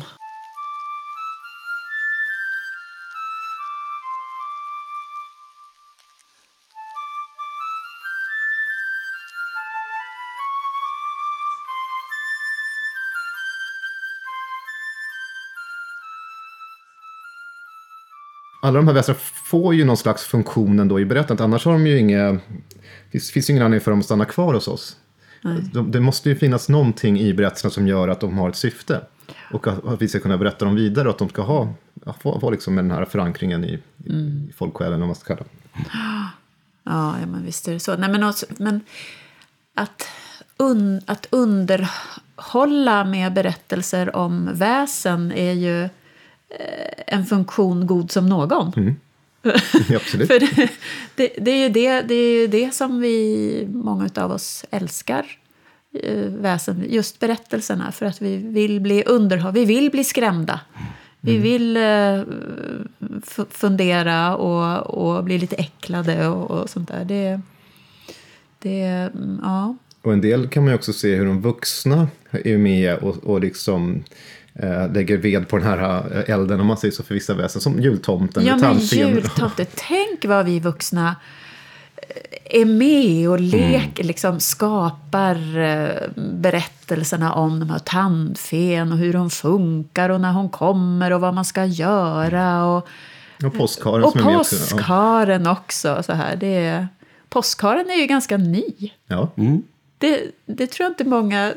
Ja, och jag, kom, jag är född 1967 och vad jag kommer ihåg så fanns inte påskharen när, vi, när jag var ri, riktigt liten. Sådär. Utan det var, jag har en sladdbrorsa som är född eh, på 80-talet. Och det var, det, var, det var då påskharen kom till vår familj i alla fall. I regel var det ju en fågel som värpte, vilket är mer logiskt. För det var i tysk tradition och sådär, så har vi en föregångare och då är det en tupp eller någonting som värper, vilket också är ganska orimligt. Men det borde ju, eh, men sen har det förändrats och det är mycket via postkort och så. Och sen har vi ju den amerikanska traditionen som via postkort och sådär har fått haren, eh, fått en framträdande position.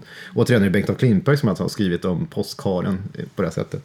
Men, men den fyll, alltså alla de här eh, fyller ju ändå en funktion på sätt och vis att få barnen att sköta sig och de ska få en belöning om man har betett sig väl. Alltså, det är samma sak med om man får med tandfen, med tanden. Alltså det, du ska ju få en belöning för att det är jobbigt att tappa tänder. Och du ska få julklappar för att du är skötsam och snäll under året. Annars, annars får du ingenting. Vi har, vi, Annars kommer... ja, då kommer ju julbocken eller Krampus eller Ja. ja. Gryla om man då är på Island. Som, Gryla tycker jag nästan bäst om. De här, det är ju hon som, hon äter ju upp barnen som inte sköter sig. Ja. Det är, hon och hennes julkatt käkar ju upp dem här. Så. Ja. Många kanske inte tänker på jultomten och påskharen och tandfen som väsen. Eller, men, eh, därför att de är så självklara för oss. Och alla berättelser om dem. Men det är mer de här pedagogiska fiktionerna, att man använder, vuxna använder för att instifta någonting hos barnen. Ja, Det har ju, förut var det med att man skrämde barnen med saker och ting. Och på sätt och vis kan man ju se även de här. Alltså jultomten kan ju användas för att skrämma barn. Om du håller på att vara sådär stygg, då får du inga julklappar. Och idag är väl det den största skrämselfaktorn man kan ge ett barn. Du får inga presenter. ja. Lyda. Funktionen var att vara snäll och lyda. Ja. Någonting som jag tyckte du gör väldigt bra också just i de här böckerna är ju att, som vi pratade om tidigare, att du gärna vill att det ska vara så faktakorrekt ändå som möjligt. Att vi ska kunna koppla det just till de här berättelserna och de sägnerna som finns och förklara att de användes på det här sättet eller att de har framstått på det här sättet.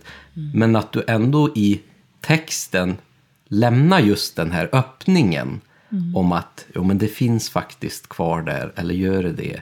Att, att du ändå har den här äh, tv- tvetydigheten på något Ja. sätt. Att man ändå kittlar fantasin just när man läser de här äh, Ja, men det är ju texterna. det som gör dem så underbara, tycker jag. Eh, och jag som lärare tänker ju att väsenologi måste ju ändå vara världens bästa ämne att ha i skolan. Så här, det är ju så många ämnen, det är så ämnesintegrerat. Som den här, den här, bara den här boken, tänker jag, det innehåller ju flera olika typer av texter. Det är ju eh, sammanfattning, det är en fiktiv text en, en, och sen en, en faktatext. Eh, liksom. Och sen är det, vilka ämnen? Ja, man kan jobba med den i svenskan, man kan jobba med religion, historia, samhällskunskap, geografi. Eh, man kan jobba med bild, man kan eh, ja, multimodalt, man kan göra så här poddar om det, alltså muntligt. det är ju världens bästa ämne, är det inte det? Jo, absolut. absolut. Tycker man ska, det ska vara en egen kursplan. Ja, verkligen. Vi ska försöka få in det här i ett Ja. riktigt skolprogram. Ja. Det, det skulle ju vara väldigt uppskattat. Ja, jag tror det. Hoppas det. Jag tänkte på, nu när vi ändå pratar om den här eh, moderna väsen, har du någon favorit av de här? Ja, nej men... Eh, jag, när jag är ute i skolor och på bibliotek då brukar jag prata om mylingen. Mm. För det är så tacksamt ämne tycker jag. Eh, Och sen brukar jag avsluta med att eh, läsa eh, historien om de svartögda barnen. Och just göra de här kopplingarna med är de vår tids mylingar eller inte? Och mm, tillsammans med barnen då försöka se likheter och skillnader och sånt där. Men eh, det är tacksamt därför att det handlar om barn. Mm. De kan eh, identifiera sig. Och det är ju så otroligt tacksamt att prata om mylingen, om hur det var förr i tiden. Och att det tyvärr är sant. Det jag säger nu, det är sant, säger jag. Att det förr i tiden, om en kvinna blev gravid om hon blev med barn då, utan att vara gift, då var det stor skandal. Och så berättade jag om allt det här med oäktingar. I, och de, de kan ju inte fatta att det var så. För att, du vet, om jag säger så här, jo man tyckte verkligen förr i världen att de här oäkta barnen inte var lika mycket värda som barn som hade gifta föräldrar. Eh, de fick inte eh, De hade mycket svårare att hitta någon att gifta sig med och de hade inte samma rättigheter. De, de fick inte ärva lika mycket. Och du vet, jag, de blir ju väldigt upprörda. Tycker att det är orättvist. Och sen ja, och att mammorna och barnen blev eh, utfrysta och hade svårt att överleva och, och sådär. Och, Men papporna då? Liksom kommer frågan, vad, vad händer med... Ja, nej, de drabbades inte. Ja, och, och så kan man ha en diskussion om det. Vad som, hur annorlunda det är nu. Liksom, för hur många... Och då berättar jag att mina barn skulle ha varit oäkta då. Om, om, för vi, jag och min man, vi gifte oss inte förrän våra barn var tonåringar. Och, sånt där. Och, och hälften av barnens föräldrar är ju inte gifta. Och tänk vilken skillnad det är. Man kan ha mycket spännande diskussioner. Som ju, som ju handlar om vår historia och hur man trodde och, och normer i samhället och, och sånt där. Man kan ha jättespännande eh, samtal med dem. Jag tror det är jätteviktigt det, så att du i det här äh, utgår ifrån barnens perspektiv. Att det är barnen som är i centrum. Ja, För att prata om eh, historia eller någonting utifrån de vuxnas perspektiv hela tiden. Kanske liksom går barnen förbi.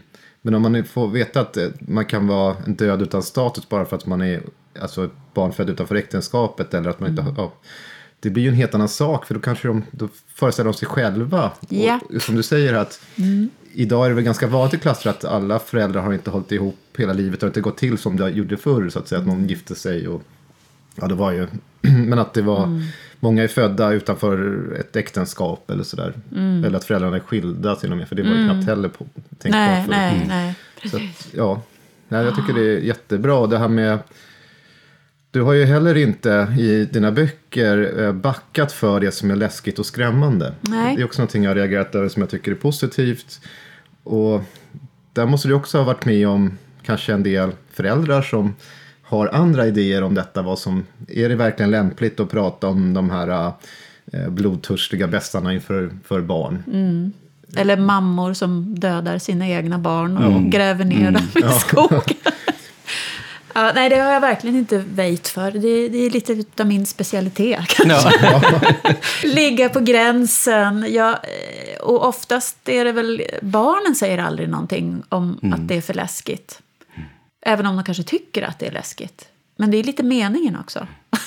Ja. det ska vara läskigt. Det behöver ju inte vara just läskigt heller. För jag Nej. i, i de här eh, första böckerna så pratade du mycket om till exempel om trolldom. Ja. Och olika sätt som man kan till exempel då eh, använda bajs eh, och avföring till Ja. att eh, utföra olika ritualer och få olika effekter. Ja. Så att du, du drar det ju som sagt verkligen inte för att verkligen förklara Ja. verkligen hur det användes. Ja, ja, ja. Nej, men eh, äckel är bra också. Mm.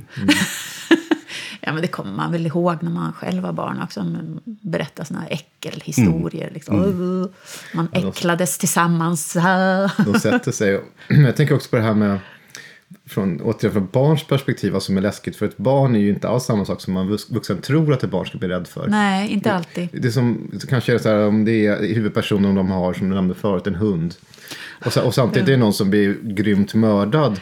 Men hunden springer bort. Ja, men det barnet kanske fokuserar på då. Vad händer med hunden? Struntar Ja, i det här. ja, precis. Ja, ja men det där är... Nej, men alltså...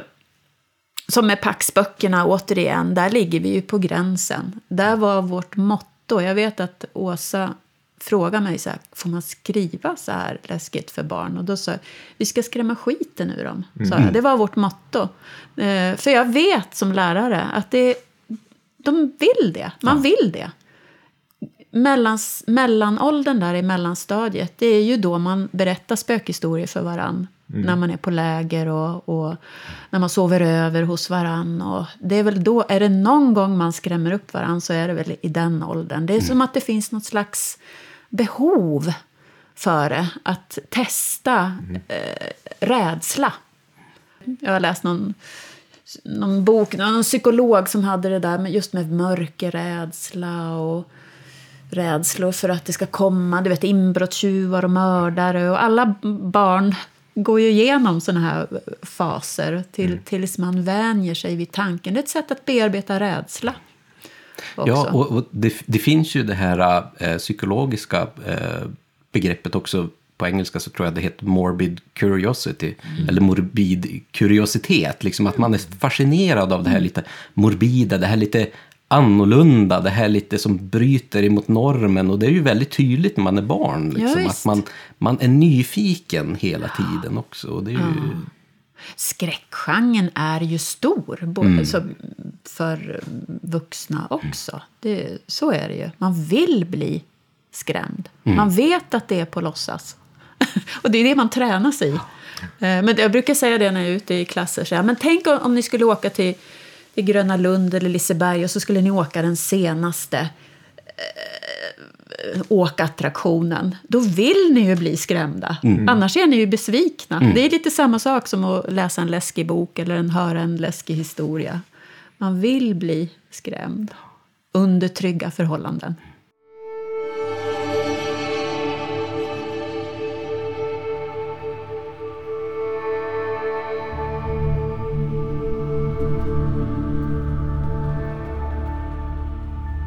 I somras fick jag höra en läskig historia av ett äldre amerikanskt par som hyrde huset bredvid vår sommarstuga på Gotland.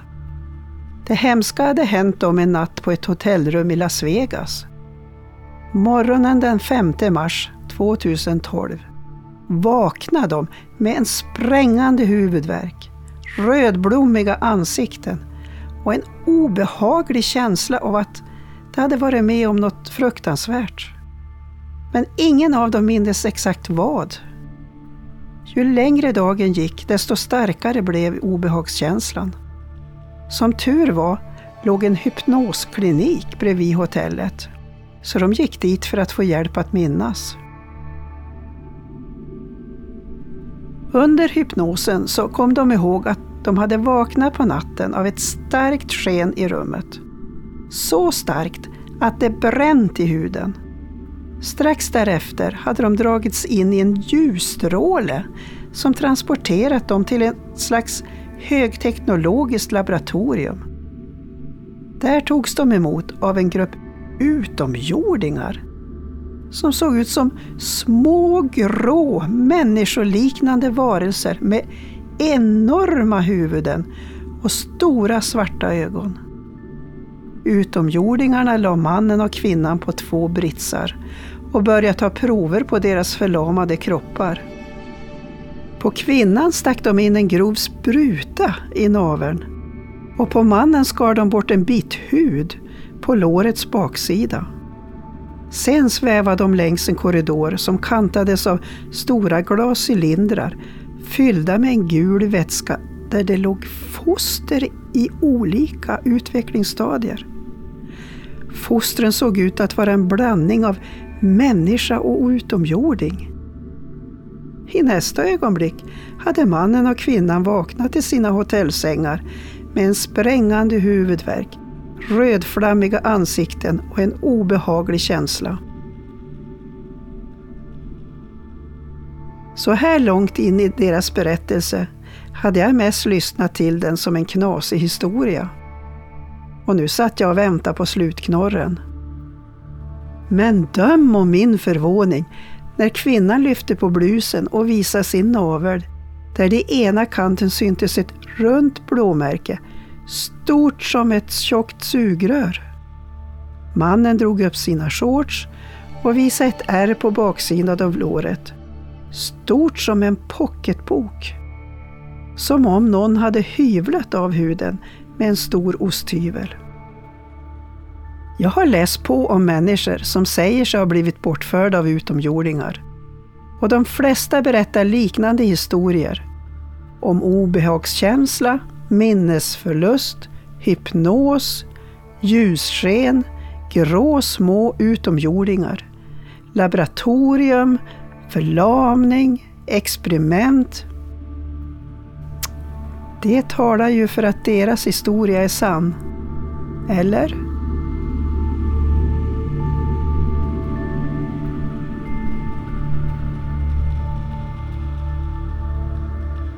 Jag tänkte de här tre böckerna, Västnologi, har ju illustrerats av Reine Rosenberg. Mm. Och eh, jag har förstått det som fick han ganska fria tyglar av dig. Och vad är, hans bakgrund? Han kommer från dataspelsbranschen, eller hur? Ja, men han, han kommer från spelvärlden. Han gör uh, illustrationer i spel. Uh, han har en helt egen stil. Men de, det, jag älskar de här, uh, hans illustrationer. alltså. de är ju moderna, men eh, färgsättningen är lite dov och trollsk. Så, här. så att eh, den unga generationen gillar dem jättemycket. De känner, jag vet inte, de känner igen sig i, i, i hans stil på något vis. Nej, men jag skickar eh, texterna till honom och sen får han helt... Han, han, han väljer vad, vad och hur han vill eh, illustrera. Och då, ja, det är som att få en, en present varje gång han skickar eh, sina bilder. De är ju Det, det måste ju otroliga. vara väldigt roligt att se just texten realiseras Ja. i en bild. Ja, Det, det, det blir ju lite grann som när vi har våra, ut, våra tavlor till exempel oknytt, att då gör vi nästan tvärtom, att då gör jag en bild som sen eh, Sara då liksom eh, gör en text till. Att det, får, det får en extra dimension. Ja. Eh, och att det, det förstorar någonting som man själv riktigt inte har tänkt på på något sätt.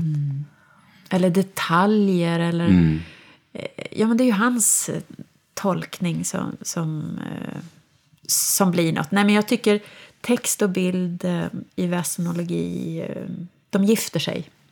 Verkligen. Alltså jag blev så imponerad när vi satt, när de skickade över de här första jag läste några texter ut, och då var det inga bilder eller någonting. Och sen så kom alla bilderna, det började liksom komma fler och fler och det, var, det blev ju en helt annan sak Ja. såklart. Alltså, jag blev väldigt imponerad över Reines sätt att, att tolka de här äh, texterna och göra till hans, så att säga, alltså hans eh, syn på, på det hela. Ja. Jag kan ju säga att ni som bara lyssnar på podden nu att i videoversionen kommer även bilder från Reine synas. Så att, eh, och det, det är verkligen fantastiska bilder och att just hans eh, illustrerande språk är så väldigt specifikt för hans stil också. Och att det passar så bra, båda de här äldre väsena, men samtidigt att det liksom gifter sig så bra när han går in nu i den här tredje boken med de här mer moderna väsena som mördarclowner och Godzilla och jultomten. Så det, det, är en så himla, det gifter sig så himla bra. Ja, det gör ju det. Och han har ju söner också i, som börjar komma upp i, i, Mm. i mellanåldern. Och så, jag kan tänka mig att em, de har väl varit med och fått tycka till lite om Godzilla och sådär. Ja, är- ja, de är vackra. Men nu har du ju gjort de här tre böckerna. Väsenologi, mer väsenologi och modern väsenologi. Men jag har ju hört att det ryktas om att du redan har börjat att jobba på något nytt. Ja, det gör jag. Nu har jag deadline den första december på den, den, den första boken. Det är en trilogi, alltså tre böcker. Det är samma målgrupp, 9 till 12 år. Det, men den här gången är det skönlitterärt och det gör jag tillsammans med eh, illustratören Daniel Tolin. Heter han och eh, han eh, är serietecknare. Eh, bokserien heter Mutanterna. Och den första boken heter Experimentet. Mm. Den kommer i april, tror jag. Eller ja, mars-april. Um, utspelar sig i Uppsala, min Nej. hemstad. Vad roligt. Jag är född och uppvuxen i, i, i Uppsala. Och Daniel bor i Uppsala också. Men den här gången så är det jag och Daniel är lika involverade i eh, intrigen och karaktärerna och dramaturgin och, och sådär. Men det är bara att jag skriver och han illustrerar. Det är en 50% text och och 50 eh, seriealbum. Ja, vad Så det, spännande. det är mer bilder. Eh, om man säger. Nej, men det är hälften hälften skulle jag säga. Ah. Och mutanterna, är det ett väsen Tommy? Nej, men där tänker jag, att, jag tänker tillbaka på min rollspelsbakgrund. För det Ja. var liksom, Drakar och Demoner och Mutanter var liksom det stora som fanns där.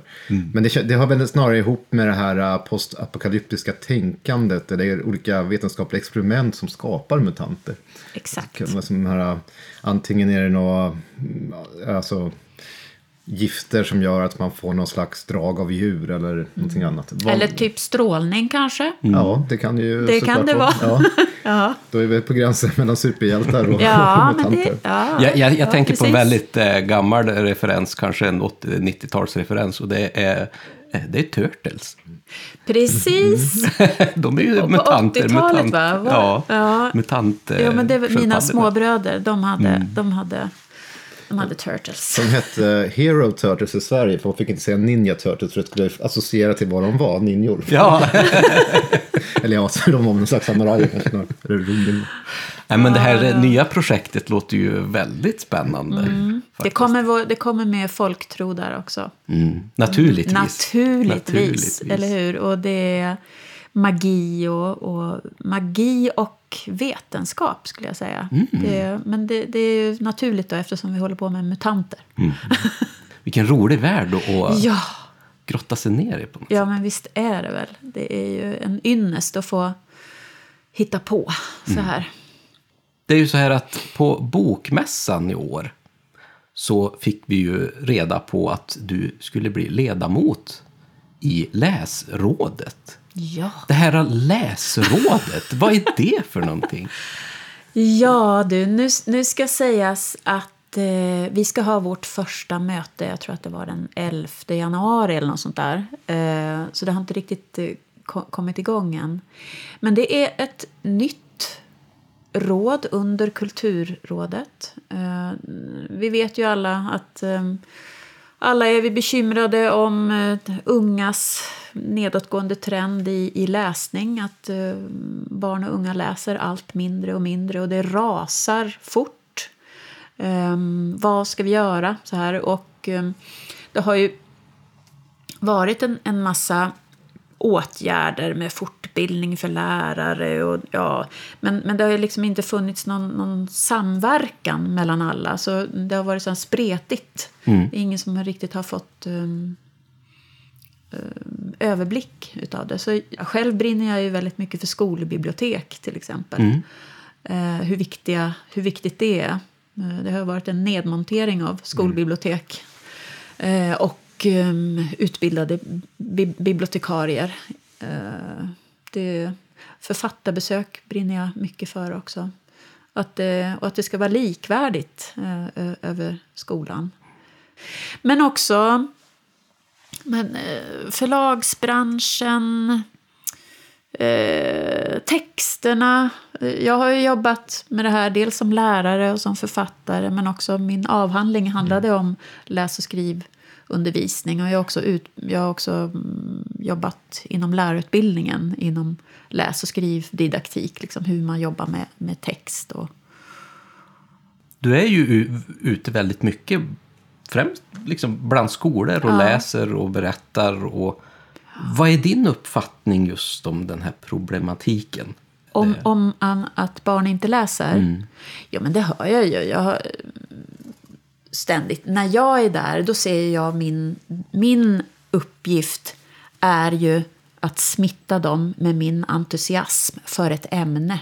Det, jag tror det är bra att börja där. Man kommer ju inte ut du, det är jätteviktigt att ni läser med pekben. Det är inte den änden man ska börja. Man ska börja med lust, engagemang och eh, berätta om någonting man själv brinner för. Och då kommer läsning och böcker med på köpet tror jag. Och sen också eh, koppla andra aktiviteter till en text. Om man tänker med Paxböckerna till exempel, den här, den här kartan eller den här vandringen eller boksläppen eller provläsarklasserna och många aktiviteter som alla utgår från en text.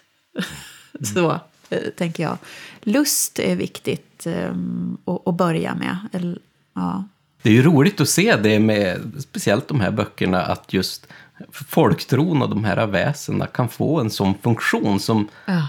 sammanför oss Ja. lite grann och, och gör att vi kan hitta ett gemensamt ämne, ämne som vi tycker är väldigt spännande och som vi kan bygga vidare på. Ja. ja, just nu är det stort med väsen alltså. Det, är, det är fantastiskt. När jag är ute eh, då brukar jag ha sån här workshop också där, där vi skapar egna väsen. Eh, under ja, samma struktur som i väsenologiböckerna. Alltså jag tänker den här strukturen, för då, då både rita och skriva och tänka då. Och sen berätta om, om det. Eh, och då får de då använda er fantasi nu, liksom kör eh, bara. Och, och så försök, det svåraste är ju den här funktionen. Men, men jag försöker få med den. Varför eh, finns ditt väsen? Så här. Vad, vad är det för någonting? Ska det underhålla? Ska det varna för någonting? Ska det förklara något? Eller ska det... Ja. Och ja, jag får ju se så mycket roliga väsen. Både i bild och text. Sen hinner de ju inte alltid bli klara, utan men, men att de sen brukar berätta. Då säger de, berätta om ditt väsen. Vad är det för någonting? Och så får vi höra. Då får vi in berättandet också. Ja, du måste ju få uppleva väldigt mycket kreativitet när du är ute på de här Ja, besöken. ja, ja. Det är så roligt. De här böckerna har ju eh, gått ganska bra, jag förstått det som.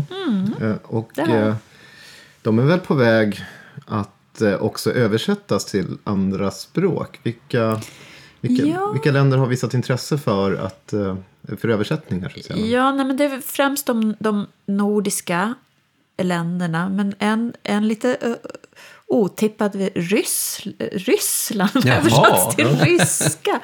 Eh, men med, en annan, eh, med ett annat omslag. Sen Mm. hörde agenturen av sig nu. För nu har den här modern väsenologi så ny. Men de sa att det det var fler som var intresserade av den här modern väsenologi. Det kanske handlar om- att, att de är väl mer internationella, de, de nya väsen. Eh, som, som fler känner till. De, an, de första två är ju mer nordiska, eller sven, det är en svensk kontext Ja. kan man säga. Så det är kul. Ja, men det säger också ganska mycket om ti- tiden och modern väsenologi just för att det är ju en global värld idag. Ja, Och du har ju med Godzilla, men det är ju Gojira, det är ju, det är ju Japan.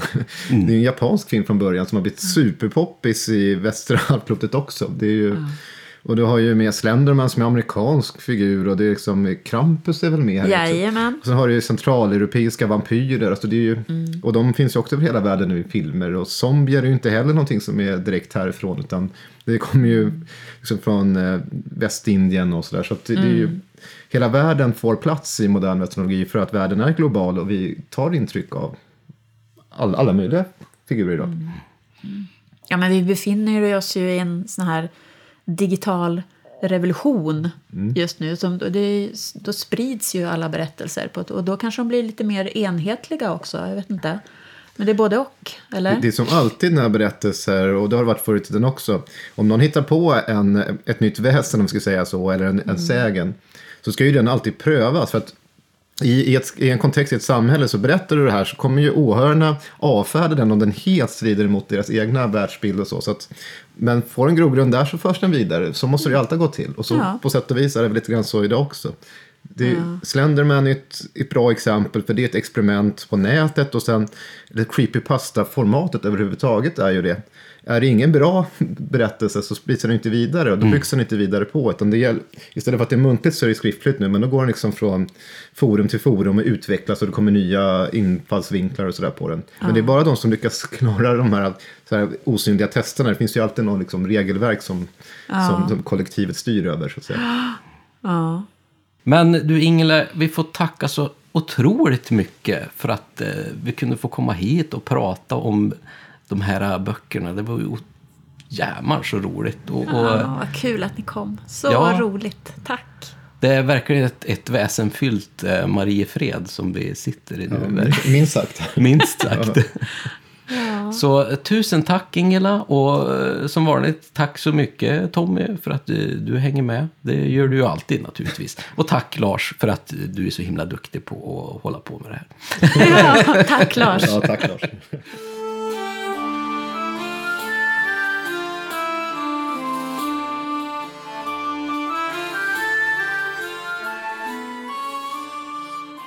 Ja, Tommy, vi får ju verkligen tacka Ingela här och även Natur och kultur för det här otroligt trevliga samtalet om just de här väsena, de moderna väsena och de äldre väsena och faktiskt hur barnlitteraturen är så populär idag när det gäller det här ämnet med folktro och olika varelser och monster. Det är ju jätteroligt och även kul att få höra lite historier kring den här Max-serien som Ingela skrev också.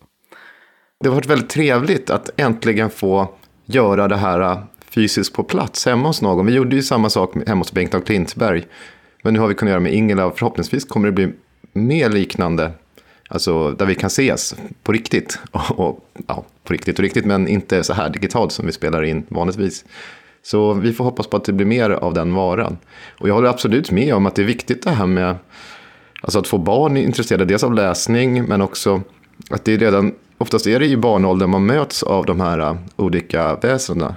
Jag själv växte ju upp som så många andra med Astrid Lindgren. Och där mötte vi ju Mylingen och där mötte vi i Ronja Rövardotter en, en radda påhittade väsen dock, men de känns ju bra. Eh, Harry Potter är ju någonting som många har växt upp med som senare då. Och där är ju också, jag menar, Rowling har ju tagit ett mischmasch av olika figu- figurer, inklusive väsen från folktron, och placerat dem i sin värld. Och det är också ett möte som man får den vägen. Och Tolkien, som jag alltid tjatar om i den här podden, eh, är också någonting som jag själv ju var, var aldrig har slutat älska, men där har vi också eh, ganska mycket påhittade och figurer och en hel del figurer som ju han har inspirerats av då äldre traditioner, inte minst engelsk folklore.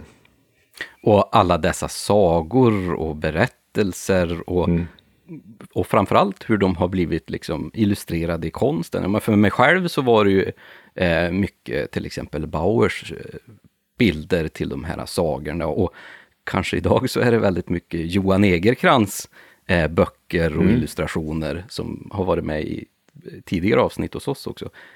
Att man, det är ju där den här grogrunden till intressena oftast börjar och det är ju jätteroligt att se att folktron och de här väsena och traditionerna och berättar kulturen liksom har börjat få grogrund där. Det är ju jätteroligt. Ja, mycket av de här sagorna som du nämnde där, bland tomtar och troll, vände sig ju direkt till en barnpublik. Eh, och gjorde redan under Bauers tid. Men det intressanta och det lustiga här, och det, det gäller ju många förlag på den här tiden som började ge ut, om man tittar på tidigt 1900-talslitteratur som handlar om sagor, så är det väldigt mycket som är för barn. Alltså barnens sagobibliotek och sådana här saker. Men folksagan i sig, som den berättades eh, för eh, muntligt, var ju inte vänd till barn. Utan det var ju oftast vuxna, så när man hade ett monotont arbete och satt ihop, då var det perfekt tillfälle att berätta sagor. Och vissa sagoberättare var ju, hade en oerhörd repertoar som de kunde liksom förändra och byta ut och prata om i olika situationer. Eh, och, och de berättade ju, det var ju för vuxna man, man tog de här sagorna. Och sen blev det liksom någon slags idé om att det skulle vara för barn. Det här gäller även Grimm, alltså deras sagor. Det är därför det blir sån förändring. Om man läser de här bröderna Grimms sagor så som de eh, först kom i trycket och tittar på senare versioner så är det jättestor skillnad. Den här grymheten, bröderna Grimm som man skämtsamt säger ibland, finns ju inte i regel. Alltså titta på Walt Disney när de liksom gullifierar ännu mera. Då är ju mycket av det här äh, borta.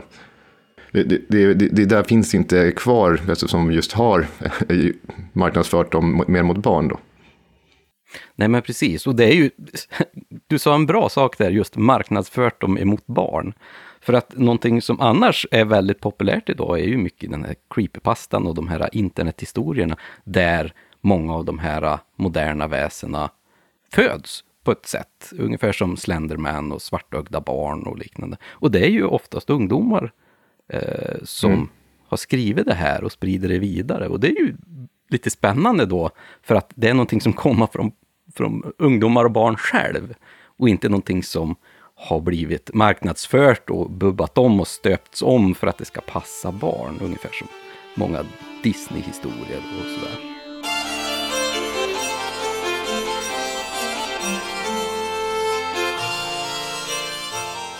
Man skulle säga någonting här till er som lyssnar och tittar på det här så är ju det här uh, årets sista uh, avsnitt som vi gör, långa avsnitt. Mm.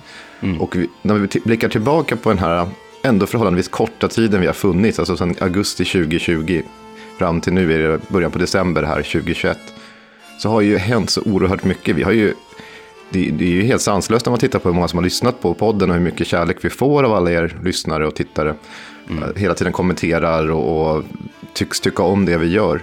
Och också att vi lyckades in, under den här tiden bli nominerade i två kategorier av ja, Guldpodden. Alltså vi, till och med som årets podd. Det är ju, det är ju helt otroligt på en sån ung podd som vi ändå är. Ja, vi är ju väldigt ödmjuka, verkligen. Alltså, vi blir väldigt ödmjuka när vi får se vilken otrolig kärlek och, och liksom intresse vi får för den här podden. Och alla hurrarop och det är så himla kul för att vi gör ju det här på våran fritid och vi gör ju mycket naturligtvis för er, men mycket för oss själva också, för vi tycker att det är så himla spännande med just det här med folktron. Att vi får grotta ner oss i ämnet och sen att vi samtidigt kan få se att vi får så mycket hjälp och stöttning ifrån våra gäster också som vi har haft med i alla dessa avsnitt som vi har gjort. Eller alla dessa, vi har, det här är den 20, 21, mm. nej 20 är det. Så att det är ju otroligt roligt att se eh, att intresset finns verkligen. Och vi har ju som, som många av er kanske, ni ska inte vara oroliga att det tar slut på ämnen, för att vi har ju redan nu ett schema med förslag på ämnen som vi tänk, kan tänkas prata om. Och det, det sträcker sig många år fram i tiden. Alltså det finns hur mycket som helst att prata om. Och nästa mm. år kommer ni mötas av en hel del kända väsen och andra saker som vi kommer att prata om. Som, så att det, det, ni, ni kommer få dras med oss ett bra tag till. Ja, ni, ni, behöver absolut inte ta av er lurarna utan vi kommer att eh, fortsätta och vi har de här eh, väldigt ingående, långa avsnitten och Eva kommer att vara med och läsa upp de här berättelserna. Så att eh, ni kan bara se fram emot en fantastisk 2022 och framöver. Det kan vi, både jag och Tommy garantera. Och vi kanske ska ändå när ni som lyssnar här om ni vill att vi ska komma till er ort och ha livepodd eller något liknande, för vi har kört tre livepoddar också. Mm. Så kontakta era museer eller lokala bibliotek eller något annat och se om, de kan, om det går att ordna, för att vi rullar gärna ut på vägarna och eh, möter er fysiskt också. Ja, det är alltid roligt att, att få se era kommentarer på våra sociala medier, men det är ännu roligare att få träffa er eh, live så att säga. Det är ju jämans så roligt. Och de live-event som vi har varit på tidigare i år har ju varit väldigt populära. Så att, eh, det vore jättekul att få göra fler sådana under nästa år också.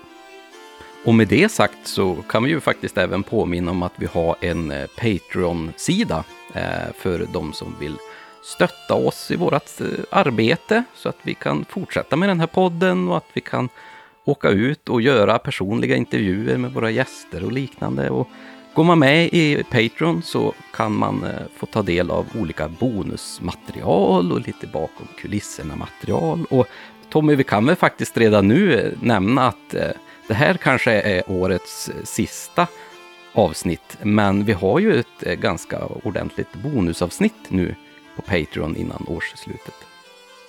Just det, och det är någonting som jag vet att många är intresserade av. För att nu ska vi prata om julbocken. Och julbocken mm. blir exklusivt för Patreon. Så att det blir ett specialavsnitt som bara finns där. Så att eh, där kan ni absolut gå med. Och det är ju naturligtvis valfritt och eh, man får vara med hur länge man vill eller hur kort tid man vill. Men eh, vi kan absolut garantera att ni kommer att få väldigt trevligt där med allt detta bonusmaterial. Men Tommy, då får jag tacka så hemskt mycket för den här gången och ja, så här lite publikt för i år kanske. Vi kommer ju att ses, du och jag, flera gånger innan dess, men det kan ju vara bra att säga i alla fall. Så tusen tack Tommy för det här året. Det har varit otroligt roligt att vi har kunnat prata om alla de här olika väsena. Så då ses vi så här igen nästa år. Det gör vi. God jul ha det fint. och gott nytt år. Hej då. Ha det fint. Hej då. Podden är ju som vanligt producerad av Oknytt, Nordisk folktro och mytologi. Och intromusiken är ju komponerad av Mark Jungerman.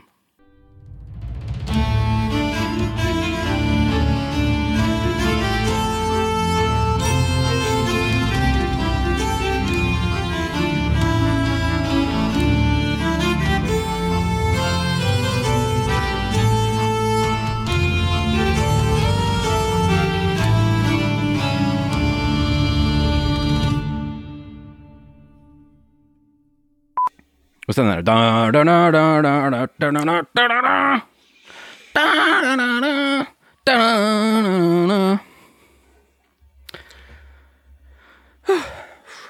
Det är jobbigt att läsa.